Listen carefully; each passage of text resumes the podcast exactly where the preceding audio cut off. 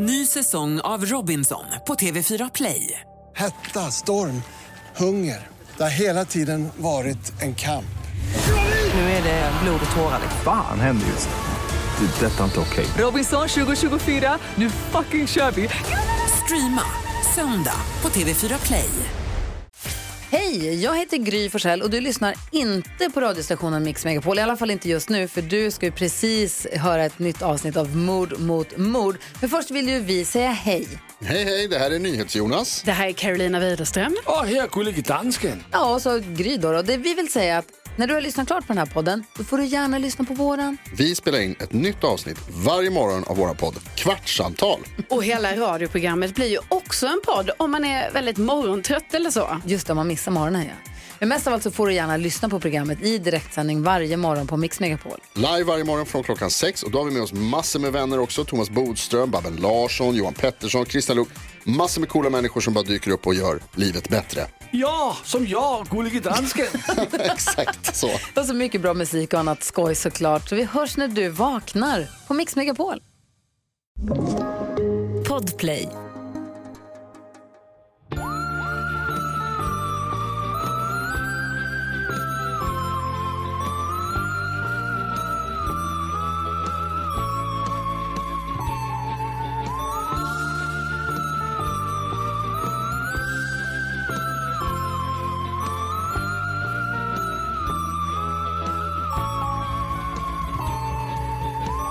Hej och välkomna till eh, Mord mot mord.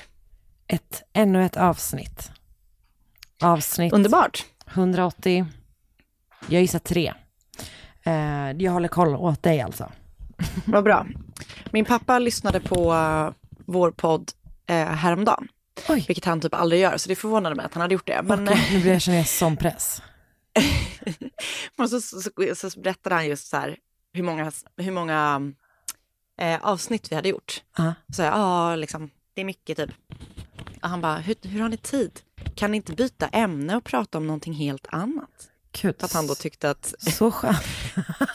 för att, han då tyckte liksom att något annat som inte är lika tidskrävande. Så att, Ah. eh, jag, jag pitchar det här inför dig och eh, alla andra lyssnare. Alltså frågan är ju, om du fick välja helt fritt. Mm. Eh, vad, du behöver inte tänka på att någon liksom, Ska lyssna. att någon ska lyssna, någon, exakt, någon, någon annan än vi ska tycka om det. Vad Eh, hade då skulle den heta Anna, och Kar- Anna mot Karin, eller Karin Nej. mot Anna. Är det bara att vi, må, att vi mobbar varandra? Nej, det är bara att vi eh, har vårt, det är, det är vår Facebook-chatt fast i, i eh, poddform. Ja. En gång om dagen ringer vi upp och så tar vi allting. En, okej, en gång om dagen var lite mycket. Det, det var lite mycket. Det, det, det, då, ta inte, kommer vi, exakt, då är vi tillbaka på det här att det tar lite för mycket tid. Ja, Men en gång i veckan, då har vi ändå mycket att gå igenom. Just det, men det problemet med det är då att vi måste stänga ner vår Facebook-chatt. Just det. Just det. Ehm, men Och jag, man måste censurera sig där. Om nu någon annan ska lyssna. verkligen sant. Men vi kan ha en privat också. Nej vänta, nu, Mm, det det, känns som Det att för springer mycket. ifrån. Vi släpper det. springer Vad ifrån. skulle, du, vad skulle du välja? Nej men det hade väl varit underbart om du och jag bara såg samma tv-program och sen pratade om det. Och det kan vara vilket tv-program som helst. Ja, exakt. Alltså typ det så här, bra. det kan vara en, liksom en, en, en, en krimserie, men det kan lika gärna vara Real Housewives of whatever the fuck city. Eller en dokumentär om svenska skidlandslaget. Har du gått på den än? Nej, det har du inte hunnit. Nej, nej det har jag inte gjort. Den ligger långt ner på min Alltså, priolista. Jag försöker verkligen hitta någon. Men jag Någon. tror att kanske Oscar, jag, jag, sa till Oscar igår att, eh, att eh, du gillade den. Ja, alltså. Så vi får se om han plockar upp den, det tipset. Det var ändå, alltså, då hade jag försökt med min mamma innan. SVT har gjort en, håller på att släppa en dokumentärserie om svenska skidlandslaget som jag då har, alltså det är liksom inte det att det är, jo jag, jag råkade liksom springa över det när det gick på tv. Och så var jag så här, ja nu vill jag se ett avsnitt till. Och gick liksom in på SVT Play på egen, på eget Jag initiativ. fattar. Eh, och sen var Jag jag inne och kollade igår och jag bara, har det kommit ett nytt avsnitt? Nej, det kommer i natt klockan 02. Då redan Så i då förmiddags slog jag på. Mysigt. Men jag försökte ju då få, jag försökte kolla med min mamma. Eller jag bara sa, jag bara, ni kanske skulle gilla den här om svenska skidlandslaget. Men då sa Mm. hon, nej, för de fokuserar på konflikt. Det Aha. gillar hon inte. Det gör de alltså Okej. i typ, eh, du vet en tredjedel av ett avsnitt. Då får är det lite konflikt. Då är min Det är mamma ändå too det. much för Rosita. Mm. Japp. Så nu Men är alltså, Oscar de mitt nya hopp. om, ja, jag, jag, ska, jag följer upp, jag Bra, lovar. tack. Jag följer upp. Men för de pratade om, och då kanske, jag vet inte om det var skidskyttelandslaget. Det var Ja. någonting de pratade om på Nyhetsmorgon, att, ehm, så, eh, att det var då personer i det som är ihop med varandra. Men det var också, det stämmer säkert, för att det var också någon som sa i, någon av åkarna som sa att hon, att hon var nästan alla är ihop med andra skidåkare. Jag tycker att det är Ja, skönt att vara med någon som inte är det. Så var hon typ ihop med en kille, hon bara, han, han, Han jobbar bara i Småland och eh, kan typ renovera vårt hus. Typ. Det gillar jag. Ja, mysigt. Ja, Mm. eller, Men för det är, väl, det är väl folk som är typ så, jag tänker typ så här, många typ advokater på de här stora byråerna. Eller typ så många managementkonsulter som jobbar dygnet runt. så, de, liksom. ja, så de måste de, typ vara ihop de med varandra. träffar ju någon på jobbet, Ja. exakt. Och då, lite så tänker jag det är när man är elitidrottare. Att man har liksom inte tid att vara ihop med någon annan än Nej. som man typ tränar med. Jag tänker också att man ju alltid typ träffar någon på stället där man är. Alltså det är ju som så här, du vet, du ska se eh, typ då islandshästvärlden som jag var en del av som barn. Eh, alltså även där är det ju liksom, man, man, in, inte jag då återigen eftersom jag var ett barn, men i allmänhet så är folk verkligen ihop med varandra och det är ju nästan alltid männen som tjänar på det kan man säga. För att de Ja. är ju, de kommer upp sig utseendemässigt ett gäng snäpp genom att vara i en värld där det är ganska få män. Fattar. Eh, så då, de tror jag vill hålla sig där även av den anledningen. Det är som de är så populära. eh, efterfrå- demand och vad heter det? Exakt, utbud och efterfrågan. Ja, efter utbud efterfrågan, just det, tack. Japp, precis så är det. Eh, Men det, det är Det- något som du ja. säger, man bara är på samma ställe med. Att det är så här, ja nu får ju vi, kan vi lika gärna ligga med varandra. Nu tror jag och för inte att skidåkare känns som att de aldrig är fulla. För annars så skulle det kunna Nej. vara så här, ja nu Annars är vi ändå här och är kaos. packade typ. Mm. Eh. Islandshästvärlden däremot, där jävlar, Packade. eller? Eh, ja, återigen fokus på Islands biten. Just det, De eh, islänningarna, de, krök. alltså verkligen. Mm. Eh, min bror var ju med på en del tävlingar och sånt när jag var liten och eh, Mm. eh, liksom lärde sig att supa. Nice. Mm, det är bra. Någon ska man lära sig det av. I hans fel, Exakt. olika isländska män som han träffade på. Perfekt. Eh, Eh, ja men bra, härligt. då kan jag och Oskar ha den här ehm, eh, ehm, smala podden som bara handlar om... Om in- skidlandslaget. Nej, alltså jag vill inte ha om skidlandslaget i allmänhet, jag vill Nej, bara ha okej. den här serien. Alltså jag är totalt Ja. ointresserad av vintersport i Mm, jag övrigt.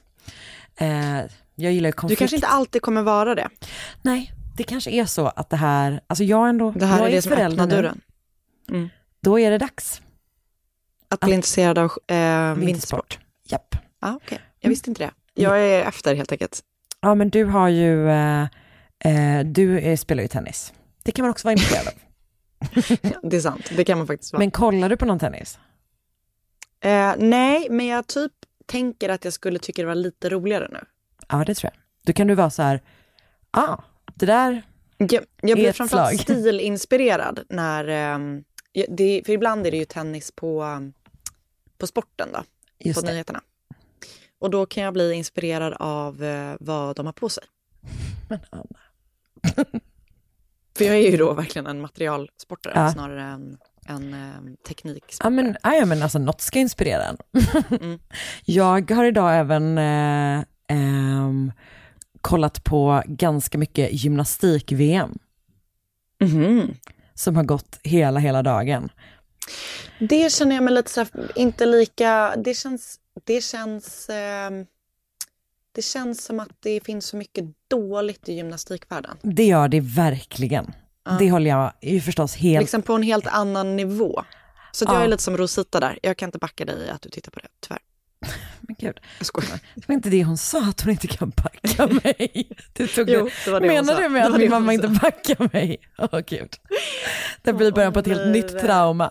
Nej, men, men, eh, nej, men jag vet inte, det kan bara, det pågick. Det är väl det Mm. med vissa typer av sporter, att de, det pågår och plötsligt sitter man där typ och kollar på när de snurrar på en sån här grej. Och då kommer Det är jag så tänka på, jäkla sjukt. det är ju helt sjukt. Och då kommer jag också tänka på hur det var när jag själv eh, eh, åkte på sådana på skolgården när jag var liten.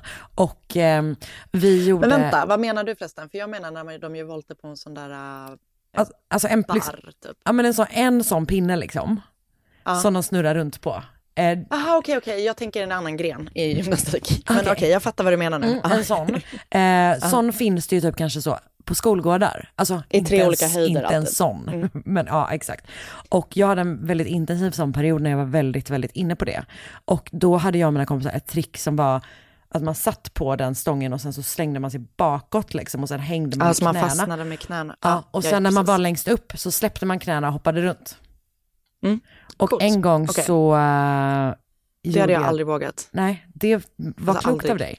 För att jag eh, fångade liksom mig själv med facet, alltså verkligen rakt Ah. ner. Fy fan. Mm. Stackars dig. Vilket Ja. trauma det också måste ha varit. Nej, det var bara rakt upp på stången igen. Det är ju det som, det, är det som gäller va? Det är det som gäller. Ja, det var mer, men, nog om eh, min korta gymnastikkarriär. Verkligen.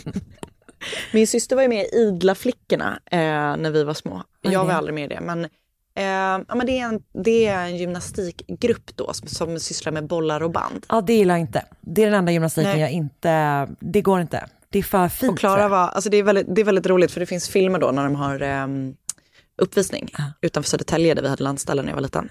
Och Klara alltså är sämst. Alltså, hon typ så tappar bollen 18 gånger. Det är som att vi hittade fi- film från eh, eh, när min bror uppträdde i Partillebohallen med sin dansgrupp när han var liten. Gud. när han dansade, ehm, Bränn de filmerna. alltså när han dansade ehm, James Bond. Alltså varför är barn så jävla töntiga? Alltså förlåt, men det är verkligen dansa Men då- James Bond. Ja, nej men det var också, men det är ju inte, barn, okej, barn har ju ingen smak, det vet vi. De blir lurade och dansar James Bond. Eller i det andra fallet, när de dansade till den här In the summertime, boo, boo, boo, boo, boo, boo, och Erik hade på sig gröna cykelbyxor. Det var Det var i och trendigt på 90-talet. Och även nu. Alltså inte de här byxorna tror jag. ja, det fanns och det finns, men inte just de här. Då var han också liksom så, du vet, två takter efter hela tiden. Ja, usch. Ah, good times. Det smärtar att se sånt. Good times i Partillebohallen. Mm, verkligen. Ehm, Men du, eh, apropå att se saker som inte direkt är true crime, så började vi titta på, eh, eh, men gud, Nine Perfect Strangers heter den, Just det, det är den, ehm, är det, på är Amazon Gwyn- Prime. är det Gwyneth Paltrow? Nej, Nej, det är Nicole Kidman. det är Nicole Kidman ja, just det. Och massa andra bra, som man liksom, du vet, jag vet inte namnet på någon, eller Melissa McCarthy är med. Ja, just det. Och eh, hon är ju bra. Eh, och sen så är det liksom massa andra som, är, som man känner igen. Mm. Men som man är så här, måste kolla upp på Google Just det. vad de har varit med i innan. Ehm, men vi har sett två, eh, två och ett halvt avsnitt och eh, den är liksom intriguing för det är, no- det är jävligt skum stämning i den. Är, det är, är inte det samma person som har gjort, eller samma liksom, folk som gjorde, vad heter den med Skarsgård? Och Nicole Kidman? Eh, Ja, den där när han var... Little, Big Little Lies, kanske? Ja, den! Ja, den! Ja, jag tror det. kanske det är. Det Jag är tror nog. det. Ja, gud, alltså vad sjukt. Jag tänkte på den serien som aldrig slog med Bill Skarsgård när han är något övernaturligt djur. Vad konstigt det var den kopplingen jag gjorde till en Skarsgård-serie. Är Bill finns... Skarsgård ett övernaturligt djur? Ja, men alltså exakt. Ing, vi lägger ingen på vet nu. vad det här är. Jag ska kasta mig rakt in. Nu ska vi se. Den här, alltså där, precis. Hemlock Grove. Ah, okej, okej. Jag fattar. Men vart ser du ens. Vad sjukt den att- här? På Amazon Prime. Ah, det är den enda tjänsten jag inte har. Är det, måste jag? Det är typ den enda vi inte hade heller. Men nu har Nu vi den. dags. För, den, för, för eh, ja, det var, vi ville se den här och så var det något annat som vi gärna ville se så tänkte vi, vi kör. Bra, unna er. Eh, Okej, men är den bra då? Ja, men jag gillar den. Vi har bara sett två och, en halv, två och ett halvt avsnitt. Men det, precis, alltså det är någonting, man bara, vad är det som kommer hända? För att ja, det är bara så jävla skum stämning. Ja. De är ju på något sånt, eh, Det är något retreat typ va?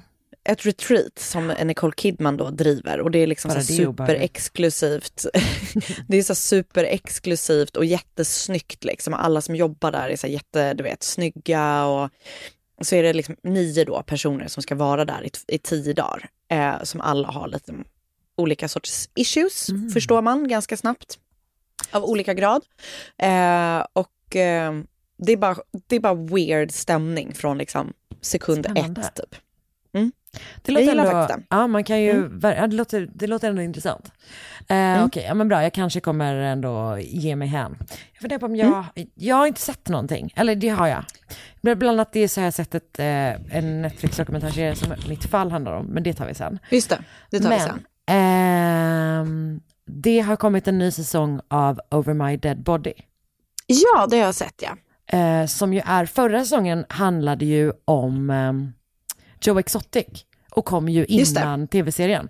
Eh, och innan det så var det ett fall där en man, tror jag, hittades död på sin uppfart. typ. Och nu handlar det om en polis som blir dödad och som visar sig vara upp till a lot of shady business. Typ. Eh, Okej. jag har lyssnat på kanske tre avsnitt. Och right. eh, det känns spännande. Vad kul. Så att den, eh, det känns som att de följer upp med en till väldigt bra säsong liksom. Eh, Så den, Nice. den, kan jag rekommendera. Vad roligt. Hur mår du annars då? Jag mår bra. Absolut, Det gläder mig. det gör jag. Ja, hur mår du? Jo men jag tycker att jag, jag kämpar på här i livet. Det är det enda man kan göra. Nu när jag upptäckt min kärlek till Keep on skidor. swimming, keep on swimming. Exakt så. Du vet. Japp, Ja. nu simmar vi rakt in i det här poddavsnittet. Det ska vi. Ny säsong av Robinson på TV4 Play. Hetta, storm, hunger. Det har hela tiden varit en kamp. Nu är det blod och tårar. liksom. Fan händer just nu. Det. är Detta är inte okej. Robinson 2024, nu fucking kör vi! Streama söndag på TV4 Play. Ett poddtips från Podplay. I podden Något Kaiko garanterar östgötarna Brutti och jag, Davva, dig en stor dos skratt. Där följer jag pladask för köttätandet igen. Man är lite som en jävla vampyr. Man har fått lite blodsmak och då måste man ha mer. Udda spaningar, fängslande anekdoter och en och annan arg rant. Jag måste ha mitt kaffe på morgonen för annars är jag ingen trevlig människa. Då är du ingen trevlig människa, punkt. Något Kaiko, hör du på Podplay. Därför är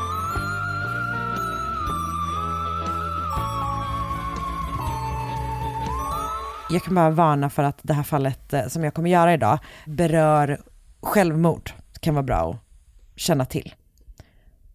Morgonen den 1 juli 2018 i Burari i Delhi, Indien har några av de boende börjat oroa sig för en av eh, det här områdets familjer.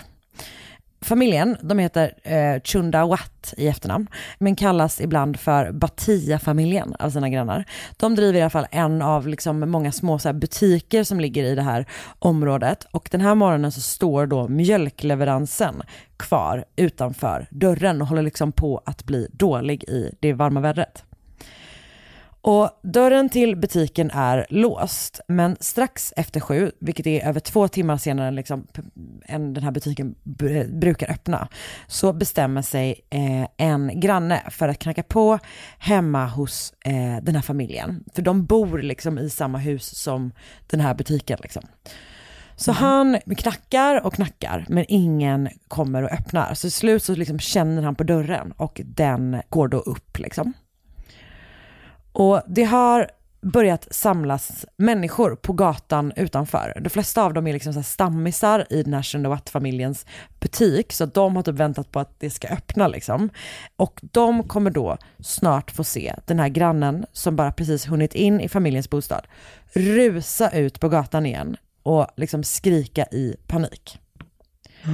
För i det här huset har han hittat samtliga familjemedlemmar döda.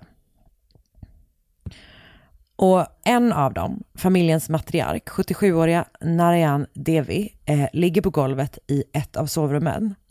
Och resterande tio familjemedlemmar hänger i färgglada tygstycken från ett galler i vardagsrummets tak.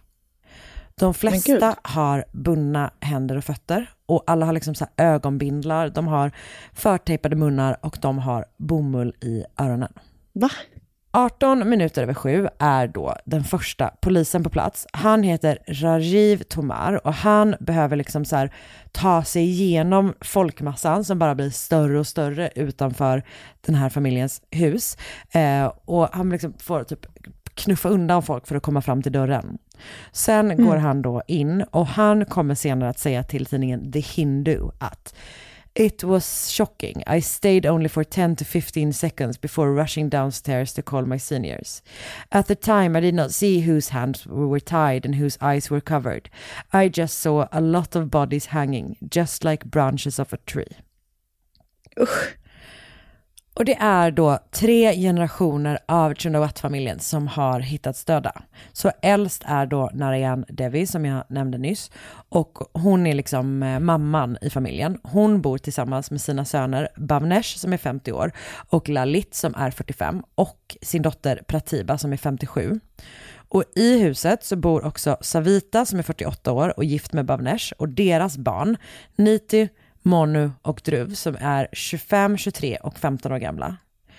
Tina eh, bor också där, hon är 42 år gammal och gift med Lalit och de har en son som heter Shivam och han är också 15 år. Och sen så eh, har Pratiba också en dotter som heter Priyanka och hon är 33. Så att det är Okej. liksom så här, alla de här personerna bor i, liksom, i samma hus tillsammans.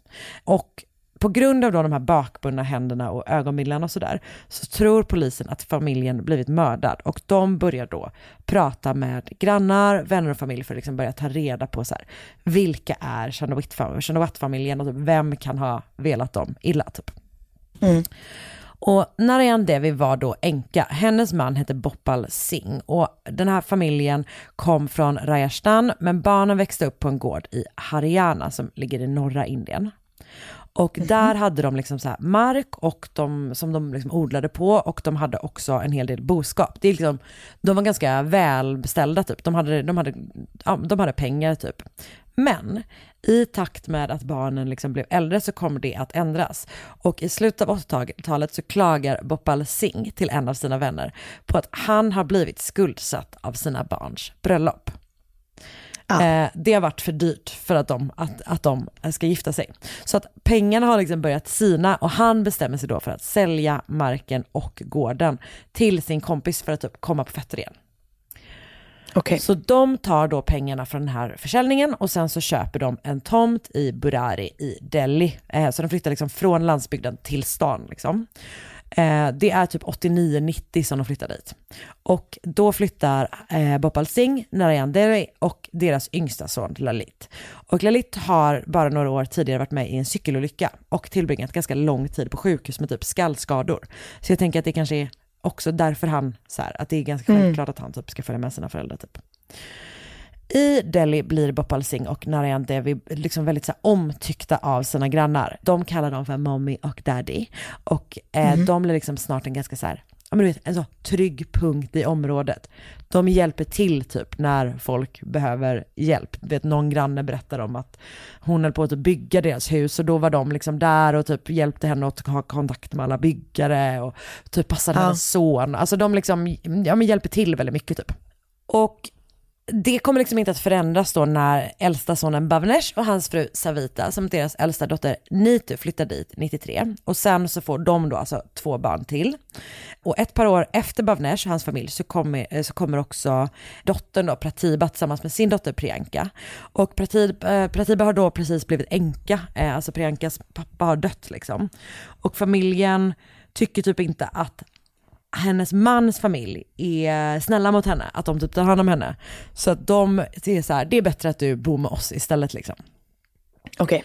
Och sen så gifte sig yngsta sonen Lalit 2002 och då flyttar också hans fru Tina in och tre år senare så får de då sin enda son. Men då har en stor förändring hunnit ske i Lalits liv redan innan han blir pappa. För han har då tappat förmågan att prata. Va? Bara sådär? I will tell you all about it. Eh, för när Lalit flyttar till Delhi med sina föräldrar så läs, såg jag någonstans att det verkar som att han först typ pluggar medicin men att han hoppar av liksom, studierna och börjar då istället jobba för att liksom, dra in pengar till familjen. Han, det beskrivs, alltså han, det, det sägs att han jobbar i en plywood shop. Jag vet inte om det är liksom någon slags snickeri eller någon slags brädgård eller vad det kan vara typ. Eh, Specialiserade på plywood. Jag vet inte. Plywood, ändå smart. Ja. Eh, men han gör i alla fall, han börjar göra det i mitten av 90-talet och typ tio år senare, eh, 2004, så hamnar han i en konflikt med sin chef om någon, det är typ om någon slags lönefråga, jag vet inte riktigt vad. Men det blir i alla fall en konflikt och en kväll när han är och jobbar i den här plywood-shopen så sker vad som typ så här kommer avskrivas som en olycka men som alla runt Lalit och Lalit själv typ tror är ett mordförsök. För han är då liksom i den här lokalen och hamnar på något sätt under flera skivor plywood. Okej. Och sen börjar det brinna. Okej. Och han, det verkar som att han typ först tappar tuppar av, jag vet inte om han får liksom trä i huvudet eller sådär, men att han vaknar eh, liksom när han ligger under det här träet och det typ brinner. Shit. Han lyckas då på något sätt få typ upp sin telefon och typ ringa sin eh, bror. Så att han kommer liksom klara sig från den här, eh, från den här branden. Vem är den första du hade ringt i den situationen? Så då måste man ju ringa någon som man vet svarar. Ja, alltså till att börja med hade jag ju ringt 112. det vill jag ändå. Jag tror också det. Det vill jag ändå säga. Men sen då, som nummer två? Alltså, om jag ska ringa någon som jag vet svarar så är det ju min mamma. Men hon Ja. bor ju inte här. Alltså, Nej. du vet Marcus är... Jag hade ju svarat om du ringde för att du, du Ringer ringer ju inte. aldrig. Nej, alltså vet du vad? Vet Det var därför jag... blev så orolig häromdagen när du ringde mig. Ah, det var inte meningen. det var jag fick Nej. ringde. Eh, ja men, ja, men du hade, bra, varit, varit, du hade varit bra att ringa. Marcus hade jag inte vågat ringa riktigt. Uh, jag vet vad jag framför allt inte hade gjort om jag var någon annan. Ringt mig Nej. själv. Nej, du hade bara... Alltså, ring nej. inte mig. Ring någon annan, okej? Vem hade du ringt? Oskar, han känns som han svarar. Han svarar aldrig i telefon, jag hade inte ringt min mamma heller. Alltså jag hade typ inte kunnat ringa någon. Jag vet ingen som alltid svarar i telefon. Oj. Okej, men vill du ringa min mamma? Typ. Kan du skicka över hennes nummer? Ja, men fast om hon inte har ditt nummer så kommer hon tro att hon är på väg att bli ID-kapad. Så att det kan vara Du kanske kan ge mitt nummer också till henne. Ja, jag ber henne spara det. Ja men bra. Ja, men han Okej, ringer i alla fall sin bror och han verkar vara en person som svarar. Så han klarar sig då liksom. Men efter den här händelsen så förlorar han då talförmågan. Men gud. Och det som familjen säger är att hans typ stämband på något sätt har skadats av röken från branden.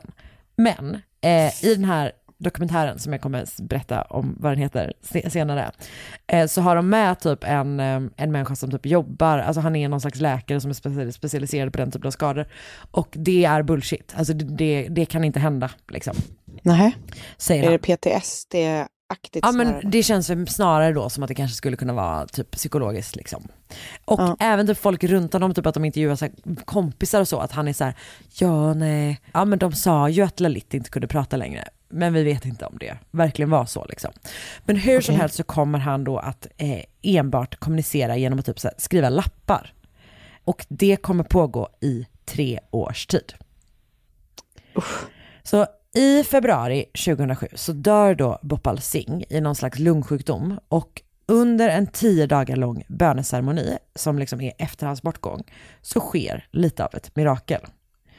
För när de då mässar tillsammans så stämmer Lalit plötsligt in i mässandet. Okej. Familjemedlemmarna beskriver det som att han är i någon slags trans. Alltså han, är liksom inte, han märker inte att han börjar mässa typ. Men, och de typ tystnar, liksom slutar och han fortsätter typ. Och efter det så kan Lalit då tala igen. Och det kommer liksom att förknippas med, alltså det är väl typ som att eh, pappans ande liksom gick in i honom typ. Förstår du vad jag Ah, menar? Okej. det, liksom, det, Ja. för det förknippas med det faktum att Bhopal Singh har dött liksom. Ja. Och efter det så blir familjen mer och mer troende. Alltså de har typ så här, de börjar be vid tre tillfällen varje dag, har liksom lite så, sin, så ceremonier och ritualer typ. Eh, de eh, äter bara vegetariskt, de slutar dricka och ja, men blir liksom mer troende helt enkelt och börjar Mm. leva eh, mer religiöst. Och eh, samtidigt så börjar det också gå väldigt bra för familjen. De har då tidigare drivit en affär, men nu öppnar Lalit sin egen plywood shop. Eh, och de öppnar också en till mataffär, så de har liksom tre butiker. Och Lalit börjar liksom ta rollen som typ patriark i familjen, typ att han leder liksom de här böneceremonierna och sådär. Så att de hittar också typ en ny familjeordning som funkar väldigt bra för dem liksom. Och då är det att Tina och Savita som är eh, sönernas fruar tar typ hand om hemmet och tar även hand om Narayan Devi. Men du vet, fortsätter också typ så här, hjälpa grannar och sådär. Och Pratibha är lärare och hon ger privatlektioner till typ unga i området. Och eh, alla barnen har så här, de har väldigt bra utbildning. Nitu jobbar med sin pappa och har typ hand om ekonomin i en av butikerna. Men hon läser också en master på en skola som har det otroliga namnet Lovely Professional University. som tydligen har alltså, gott rykte. Okej. Det är Det toppennamn. lät som ett sånt hittepå på nätet Ja, typ. ja verkligen. Hon, verk- det verkar i och för sig som hon pluggar på distans. Men, men eh, nej, jag googlade, det finns ändå. Så, Ehm, och, ehm, så hon läser där. Och hennes syster Maneka har en bachelor från De- eh, Delhi Univer- University och vill ta en master i forensisk vetenskap. Och de yngsta då, som är 15-åriga Shivam och Dhruv, de är båda två så här, de går i samma klass och de är båda två väldigt liksom duktiga i skolan, får alltid så här bra på prov, är väluppfostrade, men har också jättemycket kompisar. Eh, Priyanka då, Pratibas syster, hon jobbar på typ ett techbolag och är så här väldigt, väldigt uppskattad där. Hon gör ett superbra jobb, får liksom så här utmärkelser för sina insatser. Eh, men hon är, det enda de liksom som är med henne är typ att hon är lite så här tillbakadragen och typ hänger inte jättemycket med sina kollegor. Men hon är liksom en väldigt, väldigt uppskattad anställd typ. Och hon undervisar också typ liksom unga i området. Och den 17 juni 2018 så firar familjen ytterligare en framgång. För de firar då Priyankas förlovning och har en stor, stor fest typ där de bjuder in massa, massa folk och det finns typ så här filmat eh, när de liksom dansar vad på den här festen. 13 dagar senare så hittas de alltså alla döda. Men gud. Så polisen går som sagt då initialt på den här teorin att de har blivit mördade. Men de misstänker hela tiden om att det då i själva verket rör sig om ett självmord. Den rättsmedicinska undersökningen visar att åtta av dem dött av hängning och tre av dem av partiell hängning. Jag vet inte riktigt vad det betyder. Eh, man tror att Narayan Devi som ju hittats på marken i ett annat rum, typ kanske använt ett dörrhandtag eller så. Eh, och samtidigt så pratar de ju då som sagt också med folk som är nära den här familjen och får höra att de är så här, en helt vanlig, väldigt, väldigt omtyckt familj. De tycker, folk tycker att så här, det verkar otänkbart att de ska ha gjort det här mot sig själva. Eh, flera har typ pratat med familjemedlemmarna du vet så här, dagen innan de hittas. Eh, de har gjort planer med typ vänner och andra familj, eh, släkt och vänner och sådär liksom. Eh, Men när polisen kollar övervakningsfilmer från området runt huset så blir det då tydligt att ingen har gått in kvällen innan. Ingen, åtminstone ingen utomstående. Utan man ser Savita och Nitu bära in fem plastpallar som har hittats liksom, stående i det här ut- området där kropparna sen hittas. Och man hittar också, eller man ser också Dhruv och Shivam, alltså de här pojkarna liksom bära in typ någon slags kablar typ vid tio på kvällen. Och ungefär en timme senare så ser man Bhavnesh rasta sin hund. Den kommer man senare, alltså dagen efter hitta fastbunden på taket typ. Så den är, Men och, så det, och det är sista gången man liksom ser någon från familjen i livet. Så den enda utomstående som kommit dit är en kille som levererar 20 rottibröd till familjen. Alltså det är liksom, det är ett matbud är den enda. Och nyheten om den här, du vet, fruktansvärda liksom, eh, händelsen sprider sig och du vet, snart så är liksom hur mycket tv-team och andra journalister och sådär som helst på plats utanför Shunawatt-familjens bostad. Och den här folkmassan ehm, av då journalister men också jätte, jättemycket ehm, vanliga grannar och folk som har åkt dit och sådär, den bara växer. Så till slut så Mm. är det 5000 personer utanför. Men gud! Och du vet, det är ändå 2018, alla har typ mobiler så att alla, Mm. du vet, fotar och filmar och dokumenterar allting som händer. Så det finns liksom filmat när polisen så bär ut hur mycket liksom, bevismaterial som helst. När de tar ut bårarna med kroppar på, alltså allting Mm. filmas. Det är verkligen hysterisk stämning på de här, det är liksom en liten bakgata typ. Och där det är hur Mm. mycket folk som helst. Och det här blir ju som sagt, ja men det blir väldigt, väldigt, väldigt omdiskuterat och folk fattar verkligen inte vad det är som har hänt. Och media går totalt loss liksom. Och blir allt mer så absurda i sina spekulationer ju längre tid som går. Det är ju då 11 döda och snart blir man obsessed vid tanke på att talet 11 har någonting med det här fallet att göra. Okej. Så på ena sidan av familjens hus så går 11 rör ut. Sju Okej. av dem är böjda, fyra av dem är raka och ett är typ placerat lite, en liten bit från de andra. Så man börjar då misstänka att man har satt dit de här rören för att eh, de dödas själar ska kunna lämna huset. Okej. Och man menar då att de sju böjda rören står för de sju kvinnorna. De fyra raka rören står för de fyra männen och pojkarna. Mm. Och att ett av dem liksom sitter en liten bit bort stämmer ju då också överens med att Barian Devi hittas i ett annat rum, alltså liksom en liten bit bort från de andra kropparna. Och Mm. nu, de, men det fortsätter också, det, nu börjar det verkligen bli en stretch, det var det redan från början. Men i grinden till huset så är det elva, alltså det är en järngrind med liksom Mm. elva Ja, järnrör, vad säger man? Ja du fattar vad jag menar. Ehm, jag vet, vad heter det? Jag vet.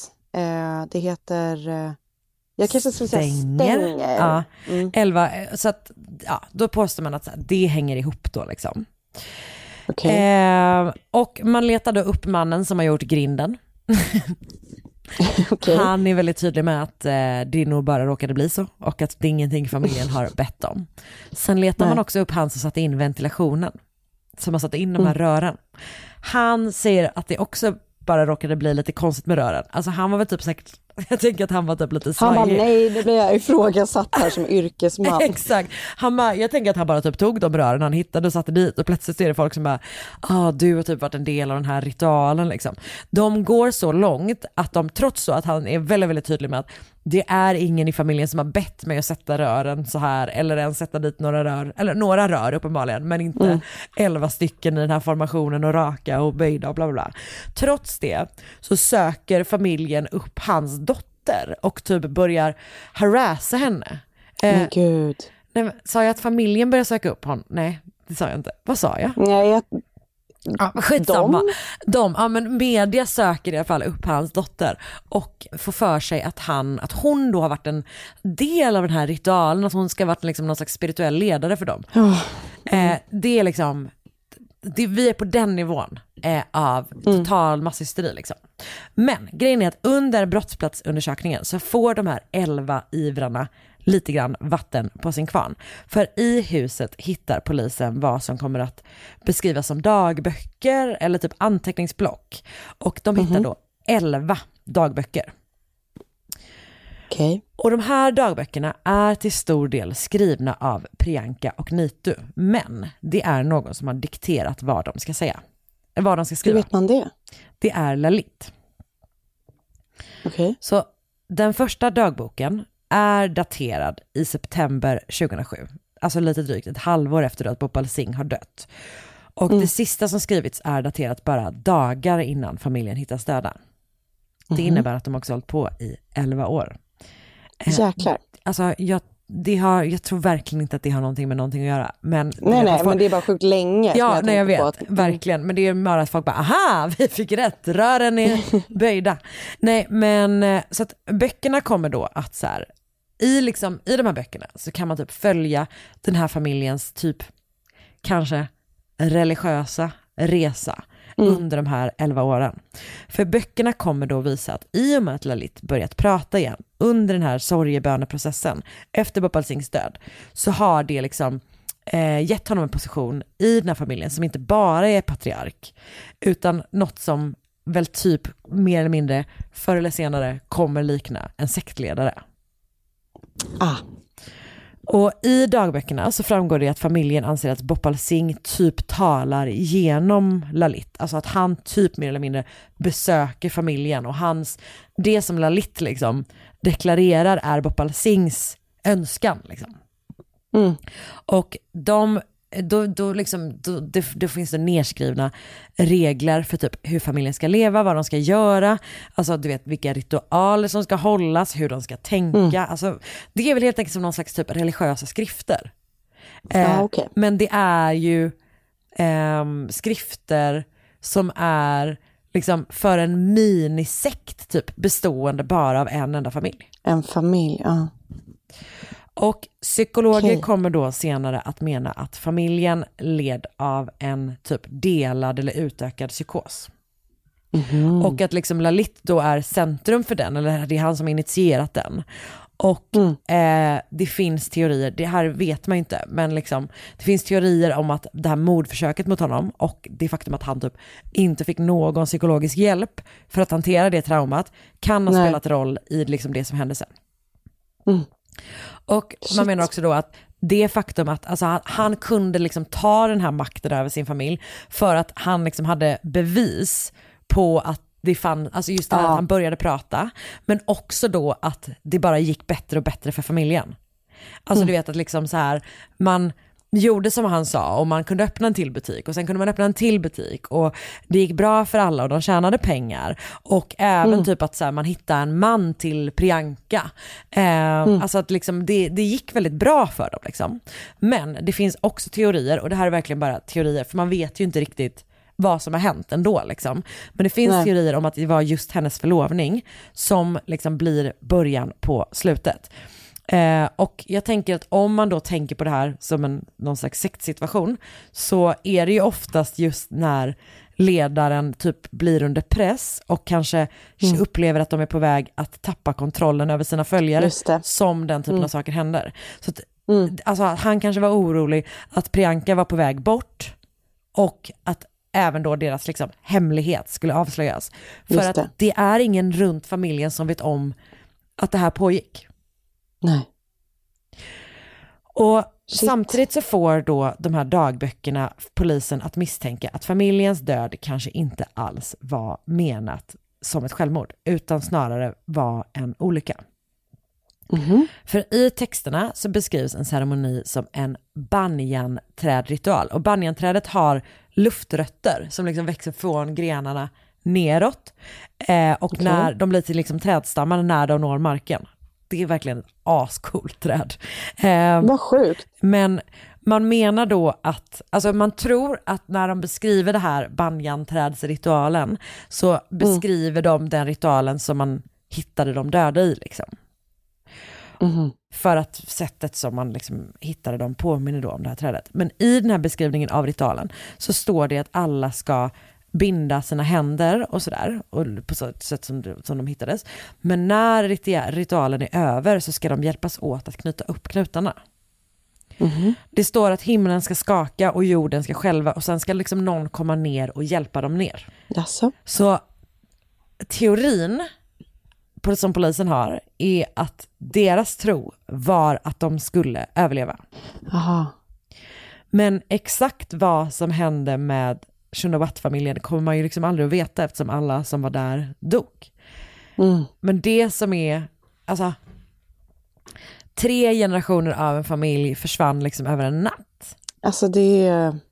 Och man pratar ju också om hur, liksom, hur märkligt det är att, eh, alltså, men du vet att det är liksom så här två 15-åringar, typ någon 33-åring som jobbar på ett techbolag.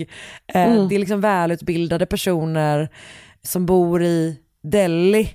Eh, Mm. som, som har hamnat i liksom den här religiösa eh, men rörelsen som bara funnits innanför deras egna väggar på något sätt.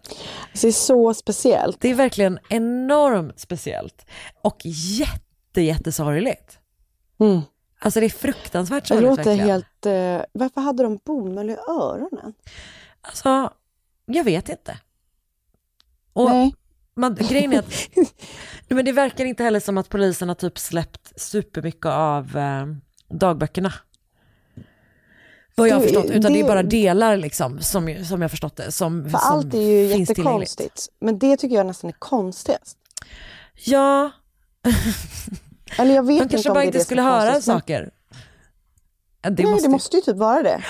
De kanske inte skulle höra varandra, de kanske inte skulle kunna bli Nej. eh, lockade. Att, eh, Påverkade ja, typ. Ja. typ.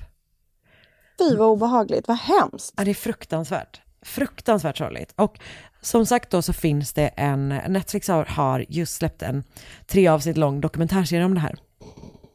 Som heter House of Secrets, The Burari Deaths. Eh, men jag, och, så det är liksom min main källa. Men jag har också läst ett gäng artiklar. Eh, The Hindus artikel Burari Deaths, 11 Bright People with One Dark Secret av Hemani Bandari.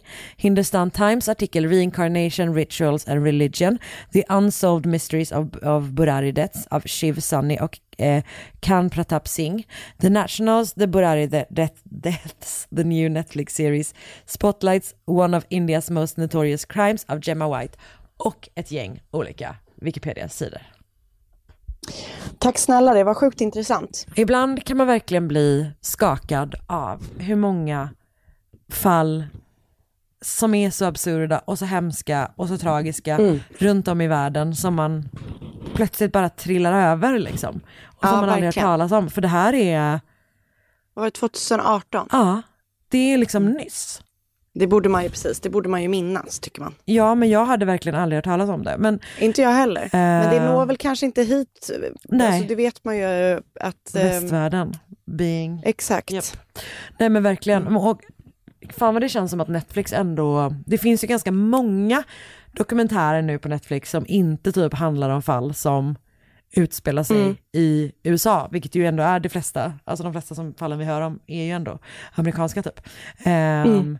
Och det här är verkligen, ja men den är, var en jättebra och intressant och fruktansvärd serie, så jag kan verkligen rekommendera om man vill göra lite mer, eller väldigt mycket mer, in, in-depth koll på det här fallet.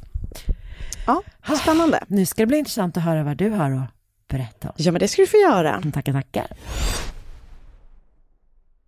Ny säsong av Robinson på TV4 Play. Hetta, storm, hunger. Det har hela tiden varit en kamp. Nu är det blod och tårar. liksom. Fan händer just nu. Det. är Detta är inte okej. Robinson 2024, nu fucking kör vi!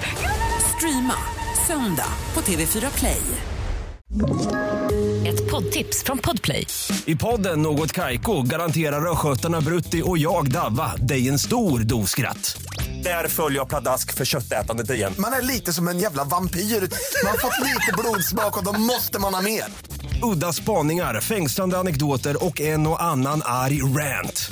Jag måste ha mitt kaffe på morgonen för annars är jag ingen trevlig människa. Då är du ingen trevlig människa, punkt. Något Kaiko, hör du på Podplay. Därför är gardinerna. —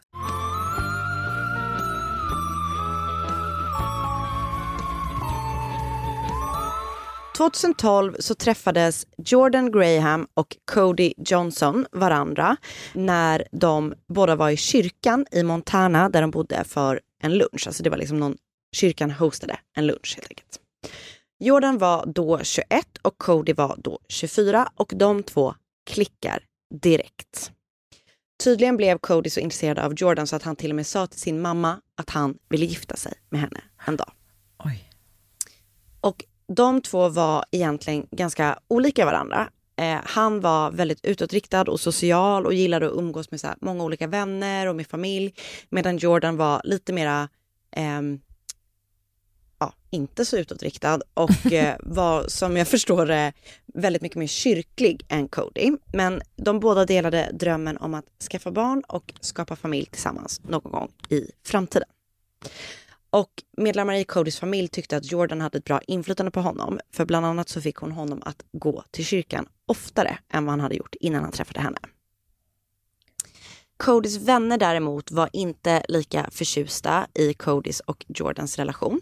De tyckte att det var väldigt ojämnt i relationen för han var då liksom helt head over heels och väldigt liksom eh, hängiven till Jordan.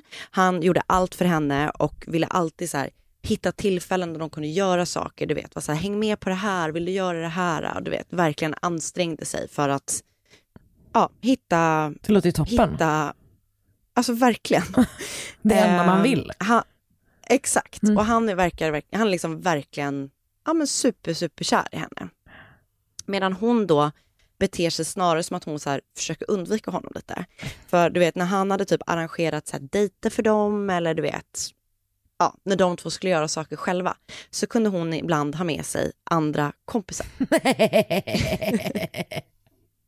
så sjukt konstigt. Fan, Alltså man hade blivit så ledsen. Du vet man kommer till en sån picknick med chokladdoppade jordgubbar. That's my friend. Alltså så stelt. Eh, men det gjorde hon tydligen eh, ibland. Liksom. Och eh, deras kompisar, både Jordans kompisar och Codys kompisar berättar att de liksom aldrig i princip såg dem vara liksom, kärleksfulla mot varandra. De höll aldrig varandra i handen, de pussade aldrig varandra, de gullade aldrig med varandra och du vet. Det var verkligen som att de var två bekanta snarare Oj. än att de var i en kärleksrelation med varandra. Och som jag sa då så träffades ju de då i kyrkan och Jordan var starkt emot sex före äktenskap.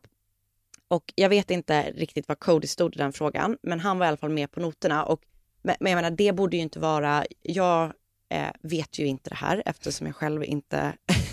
Sparat är- dig. Jag sparat mig, Sparat eftersom- dig, lät så. Vad säger Men jag man? tänker att Det var eh, bara en direktöversättning från Save yourself for marriage. eller utövat eh, återhållsamhet eller eh, kyskhetslöfte, eller jag vet inte. Vet du vad jag tänkte på faktiskt häromdagen i bilen? Nej. Att kommer du ihåg när Jonas Brothers eh, Japp, tänkte på exakt samma sak. Ja, eh, och de verkar de, alltså det är så intressant, de måste ju liksom blivit rådgivna att ha den här liksom kyska ja, ja, eh, imagen. För att nu, de, alltså den ena är ju gift med hon Sophie Turner. Aha. Som var med i, eh, de verkar typ ha ganska kul, alltså vet, de, det, det känns ju inte alls som att de är så här pryda. Men han fick ju ligga Eh, till slut. Exakt, då, blir han ju, det. då blir han ju skoj. Vet, man Ja. blir skoj när man får sex. Det är verkligen så. Good point Karin. Nej, men jag tänker att så här, även om hon då var emot äkt, eller sex före äktenskap så tänker jag att det man har förstått är att folk gör andra sexuella akter, eller du vet. Så. Japp, så jag tänker att hela den här puss, inte hålla handen och sånt, det är liksom tecken på något annat snarare än hennes, eh, eller vad vet jag. Det här är min egna tolkning. Ja. Eh, så. Men, men eh, efter ungefär ett år av dejtande så bestämmer sig Cody i alla fall för att fria till Jordan och Jordan bestämmer sig för att tacka ja. Vilket förvånar en del människor i deras närhet eftersom de då tyckte att Jordan är liksom rent ut sagt ganska avig mot Cody. Eh, men så är det i alla fall. Och sen är det då bara dags att börja planera för bröllop och bröllopsfester. Oh. Jordan frågar sin kompis Kimberly eller Kristen, olika, olika namn i olika källor. Mm. Eh, jag har valt att kalla henne för Kimberly för jag tycker det känns bättre. Rimligt. Ja. Om hon kan tänka sig att vara Jordans tärna och eh, Kimberly som då älskar bröllop tackar såklart ja och ser jätte, jättemycket eh, fram emot eh, bröllopet och också själva planeringen inför det. Jag ser framför mig att hon är en sån eh, Helen i Bridesmaids typ. Japp. Men Kimberly reagerar då på att hon tycker att Jordan själv inte verkar särskilt uppspelt över sitt stundande bröllop. Och Kimberly beskriver det som att Jordan verkade tycka liksom att själva planeringen var ganska kul. Men när det liksom handlade om att de två faktiskt skulle gifta sig och typ liksom tillbringa livet tillsammans så var hon i princip likgiltig. Okej, så hon gillade mer, hon kanske bara borde skaffa sig en karriär inom event planning låter det som. Exakt så. Det låter som då, fast ändå inte för att hon berättade, Kimberly har också berättat då att det är mest Kimberly som roddar i liksom allt princip för bröllopet. Och när hon föreslog så här, den här lokalen ser trevlig ut så var hon mer så här, "Ah, kan du inte kolla med Cody? Så det blev istället typ att Cody och Kimberly fixade och gick och kollade på lokaler och Jordan var liksom lite så här, ja ja, det blir bra. Alltså den här personen är så, har så speciellt sätt att liksom få in sina kompisar i alla saker som hon borde göra med sin man. Eller sin kille. Alltså verkligen. Hon kanske, hon kanske, ja, väldigt konstigt i alla fall. Yep. Kimberly då, den här tärnan, berättar o- också att flera gånger under tiden de ändå liksom satt och pratade om bröllopet och fixade så frågade Jordan henne om hon tyckte att hon gjorde rätt i att gifta sig med Cody. Och Kimberly eh, svarade då det enda rimliga, att hon inte kan avgöra om det är rätt sak för Jordan. Personligen så tycker jag ju att frågan i sig indikerar att det nog inte är rätt sak att Mm. göra. Att man ifrågasätter liksom ens innan man Yep. har haft sitt bröllop. Ehm, men i alla fall, den 29 juni 2013 är det dags för bröllopet mellan Cody Johnson och Jordan Graham. De har en så classic all American wedding. Hon har så armlös tubtoppsklänning med poofy kjol och du vet, det är så amerikanskt. Ehm, men en sak som skiljer sig från det som, ehm, som man liksom då kanske tänker sig är att enligt gästerna så är bruden, Jordan, inte alls så lycklig som man ska tänka, kan tänka sig att en brud är på sin bröllopsdag. Någon av gästerna på bröllopet har berättat att när Jordan väl var framme, eller dels har hon typ så här rusat ner för altargången, du vet, bara varit helt så här, ah, okej, inte alls, du vet, skridit fram fint och du vet, Tänk mig hur hon liksom släpade på sin pappa. Kom nu! Ehm, och när hon väl då är framme vid altaret så står hon så här och håller hand liksom med Cody som man typ ska göra då antar jag. Och, eh, men hon tittar inte på honom utan hon tittar liksom ner i marken typ under hela vigseln. Hon möter liksom inte hans blick under hela vigseln. Okej. Men gifta blir de och sen så då tillbringar de sin första natt tillsammans som äkta makar. Och för Jordan och Cody så är ju det här första Just gången det. som de överhuvudtaget kan ligga med varandra. Men morgonen efter så berättar Jordans kompisar att hon inte alls verkar lycklig utan hon verkar snarare besvärad och eh, så som jag förstår det då genom hennes vänner som jag inte har pratat med utan som jag har läst vad de har sagt så har hon då inte velat fullfölja consummate deras äktenskap. Nej. Hennes kompisar berättar också att hon efter bröllopet delade med dem att hon var rädd att han skulle vilja göra saker som hon inte ville, sexuellt då, och att hon började spela det så kallade menskortet och sa att de då inte kunde ligga med varandra för att hon hade mens. I ett sms till sin kompis skrev hon using the My period started spiel tonight. I'm freaking out. Hope it works. Because if I'm forced to do something, I'm going to freak out. Alltså, så Ugh. det känns så hemskt att hon bara liksom inte säger det. Och man, und- ja, man vet ju ingenting vad som har hänt här bakom. Fan vad hemskt. Men det verkar fruktansvärt i alla fall. Men så den 8 juli så händer något konstigt. För Cody dyker inte upp på sin arbetsplats. Eh, och ingen får tag i honom, vilket är ju ännu mer konstigt. Och det kommer liksom in, du vet, jag vet inte om det är missing persons anmälningar direkt, men folk liksom vet, hör av sig och säger att han, är, eh, att han inte har dykt upp och sådär. Och när Jordan då får frågan om var hennes man befinner sig så säger hon att hon inte vet. Men att dagen innan, alltså den 7 juli, så hade Cody gått ut i garaget och att hon hade då sen gått ut dit efter honom. Men då var han inte där utan då hade hon sett honom hoppa in i en svart bil med Washington-registrerade skyltar tillsammans med några kompisar. Och sen hade hon inte sett honom mer. Okej. Och alla tycker ju liksom att det är lite konstigt då att han, för det verkar liksom inte vara en sån sak som han gör, bara sådär, bara försvinner. Och eh, Jordan har liksom inte visat någon oro i att han har stuckit kvällen innan och sen inte kommit hem och inte Nej. kommit upp på jobbet sådär. Och när polisen då frågar henne om händelsen så och, och vad hon typ visste om kompisarna som han åkte iväg med, så berättar hon liksom olika varianter för olika poliser som hon pratar med. Ah. Vilket ju oftast inte är ett särskilt bra tecken på att den personen talar sanning då. Och det får ju då liksom, polisen att så här, okej, vad är det här? Till sina vänner så säger hon också lite olika saker om hur hon och Cody hade haft dagarna innan han försvann.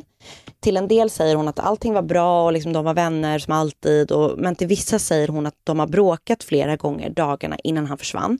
Och att han vid något tillfälle hade hållit fast henne mot marken. Och när hon sedan lyckats tagit sig loss så hade han kommit ikapp henne och typ så här scratchat henne med hans nycklar. Okej. Det som också är lite så här suspekt är att Codys vänner vet ingenting om att han skulle ha stuckit iväg med några andra kompisar. Utan de berättar istället att han har sagt att Jordan skulle ha någon slags överraskning till honom och att han skulle iväg med henne. Liksom i, jag vet inte om det var samma dag som han försvann eller om det var dagen innan, men du vet i närheten av tiden han försvann. Och dagarna går och ingen har någonting från Cody och han dyker inte upp. Så polisen börjar då, du vet, gå ut med så missing person ehm, eh, flyers typ. Och du vet, så här, är det någon som har sett den här personen? Och bara någon dag efter då polisen har börjat dela ut de här lapparna eller skicka ut dem eller hur det dis liksom distribuerades eh, så kommer då ett mystiskt mail från en bekant till Cody som heter Tony S och det skickas då till Jordan. I mejlet står det Hello Jordan, my name is Tony. There's no bother looking for Cody anymore. He's gone. Så hon går till polisen med det här mejlet Okej. och är typ så här, vi borde kanske sluta leta efter Cody. Eh, för att han är För uppenbart Tony borta. S säger att det inte är någon mening. Perfekt. Och polisen berättar sen då att i mejlet så hade Jordan fått instruktioner, alltså ganska tydliga instruktioner, typ så här, sluta leta efter honom för att den här Tony S har då sett honom trilla av en klippa. Men det får ju inte alls poliserna att göra det som Tony S ville att de ska göra, alltså sluta leta efter Cody, utan de blir ju mer, bara mer, ännu mer misstänksamma och ännu mer misstänksamma mot Jordan som dyker upp med det här Ja. eh, liksom mejlet och är så här, vi borde kanske sluta leta efter honom istället för att så här, shit jag har fått typ ett hot sms eller mejl. Ja, så det är lite knäppt allting. Och någon dag senare då, efter att hon har fått det här mejlet, så får Jordan typ ett, en, en nyck liksom. Hon säger att Gud har skickat henne för att hitta Cody. Och hon tillsammans med några vänner och Codys 16-åriga lillebror sätter sig i bilen med sikte mot Glacier National Park. Under bilresan så sitter Jordan, berättar då de som är med, i bilen och sjunger och är så här helt happy chappy person. Liksom. De är liksom inte på väg för att leta efter hennes man som varit borta i en vecka. Och när de kommer fram så börjar de leta och du vet, de går omkring i den här liksom, nationalparken. Men hennes vänner vittnar om att Jordan liksom inte är särskilt engagerad i letandet. Eh, så den här dagen som de är ute där leder inte till någonting, utan de åker hem men bestämmer sig för att åka tillbaka dagen efter för att fortsätta att eh, leta. Och dag två bes beskriver hennes vänner att Jordans beteende är helt annorlunda. Vännen beskriver som, det som att Jordan var som en målinställd missil. För du vet, när de går in då i parken som är en stor nationalpark, Ah. eh, så, så klippiga berg och du vet så här, så är hennes kompisar, ska vi inte gå den här vägen och kolla om man kan ha gått hitåt, du vet. Och hon är bara så här, nej, jag vet vart vi ska. Följ mig. Okej. Och så går de och så kommer de till en plats som kallas för The Loop som ligger i Glacier National Park. Och det är typ som en ravin med drygt 60 meters stup nedanför. Och det verkar vara, du vet, avspärrat med såna skyddsgrejer för att det är ett sånt brant eh, stup just där. Men Jordan säger bara när de kommer fram dit, jag tror att han har ramlat här. Och de är bara så här, men varför skulle han liksom ha klättrat igenom det här? Vilken normal människa gör det? Typ. Och hon bara, nej men jag, bara, jag känner det liksom. Så hon tar sig fram genom avspärrningarna och när de kommer fram till kanten så är det mycket riktigt så att han, Cody Johnson, ligger nedanför stupet. Som av en händelse. Mm. Alltså varför är Så hon polisen så dålig kan- på att låtsas? Ja, jag vet. Det är chockerande faktiskt. Så polisen kallas till platsen och den här platsen där Cody hittas nedanför det här branta stupet är liksom ganska remote. Men, och när de kommer fram till honom så ser de, alltså han har ju såklart inte överlevt, han, är, han lever inte längre. Men de ser också att han har skadats ganska mycket. Det ser ut som att han har trillat liksom i huvudet först för han har skador både på armarna och på huvudet. Polisen och eh, familj och vänner reagerar på det som Jordan säger när de har hittat Cody. För de är bara så här, hur visste du att du skulle hit? Och dels så säger hon ju då att det är Gud som har liksom skickat signaler till henne att det är dit hon ska. Men hon säger också att hon visste att Cody verkligen ville se just den här platsen innan han dog. Hon säger också att hon känner sig lättad för nu har de hittat honom. Så nu kan de begrava hans kropp och sen så behöver polisen inte ha någonting mer med det här att göra och- Men- utan det här kan liksom vara ur världen. Men vad håller hon? Mm. Okej, ja. Ja, Så att Codys kropp är då återfunnen och eh, jag antar att de gör så massa rättsmedicinska undersökningar på honom. Men han begravs i alla fall eh, 16 dagar begra- eh, efter att han har gift sig, hålls hans begravning. Men gud, det är så kort tid. Ja.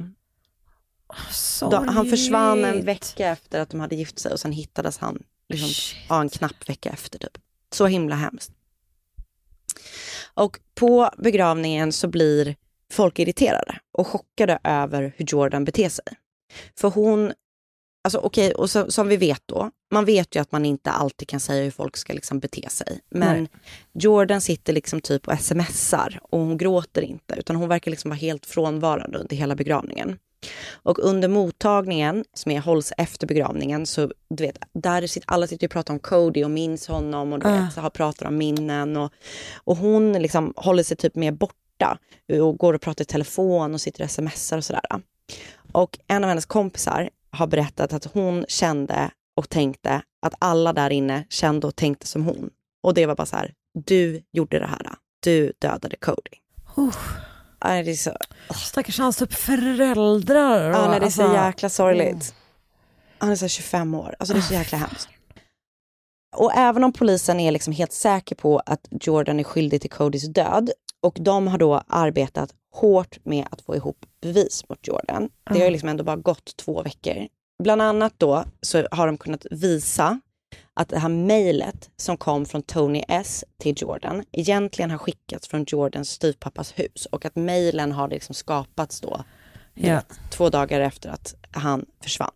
Men det som kanske är mest liksom ändå avslöjande mot Jordan är att det finns övervakningsbilder från typ parkeringsplatsen på Glacier National Park där man kan se att Cody och Jordan går in i nationalparken tillsammans den 7 juli, vilket är då alltså sista gången han Ah. någonsin, liksom, den kvällen han dör. Även deras telefonregister, eller du vet de här äh, ja, trianguleringen eller vad det är man gör, Mm. kan visa att de båda två var i nationalparken den kvällen som Cody dog. Ah. Så efter Codys begravning så plockas Jordan in av FBI som är med och utreder den här händelsen. De berättar att hon härmed är häktad för mordet på Cody. Men det är inte förrän de då börjar lägga fram alla bevis som de har mot henne som de får en reaktion. Hon är först liksom ganska så här, eh, va? Typ likgiltig, du vet så här Ah. reagera konstigt. Men när de då berättar så här, vi vet att du gjorde den här mejlen, den är gjord hos din styvpappa, vi vet att du var där med honom, bla bla bla. Då börjar hon i alla fall berätta. Och hon säger då att hon var inte lycklig i deras äktenskap, utan hon kände att allting hade gått för snabbt. Eh, hon berättar att de har bråkat liksom, den här veck- hela den här veckan efter att de har gift sig. Och att samma kväll som Cody sedan dör har de då bråkat. Men att de på något vis har bestämt sig för att åka då till Glacier National Park tillsammans. Och när de väl har kommit dit, och jag vet inte liksom vad som skulle vara rationalen bakom att de åkte dit, men hon berättar att när de har kommit dit i alla fall, så har han velat gå den här ganska aggressiva hajken liksom, som är upp till The Loop. Ah. Men att hon då har sagt att hon eh, känner sig rädd för att någon av dem skulle ramla.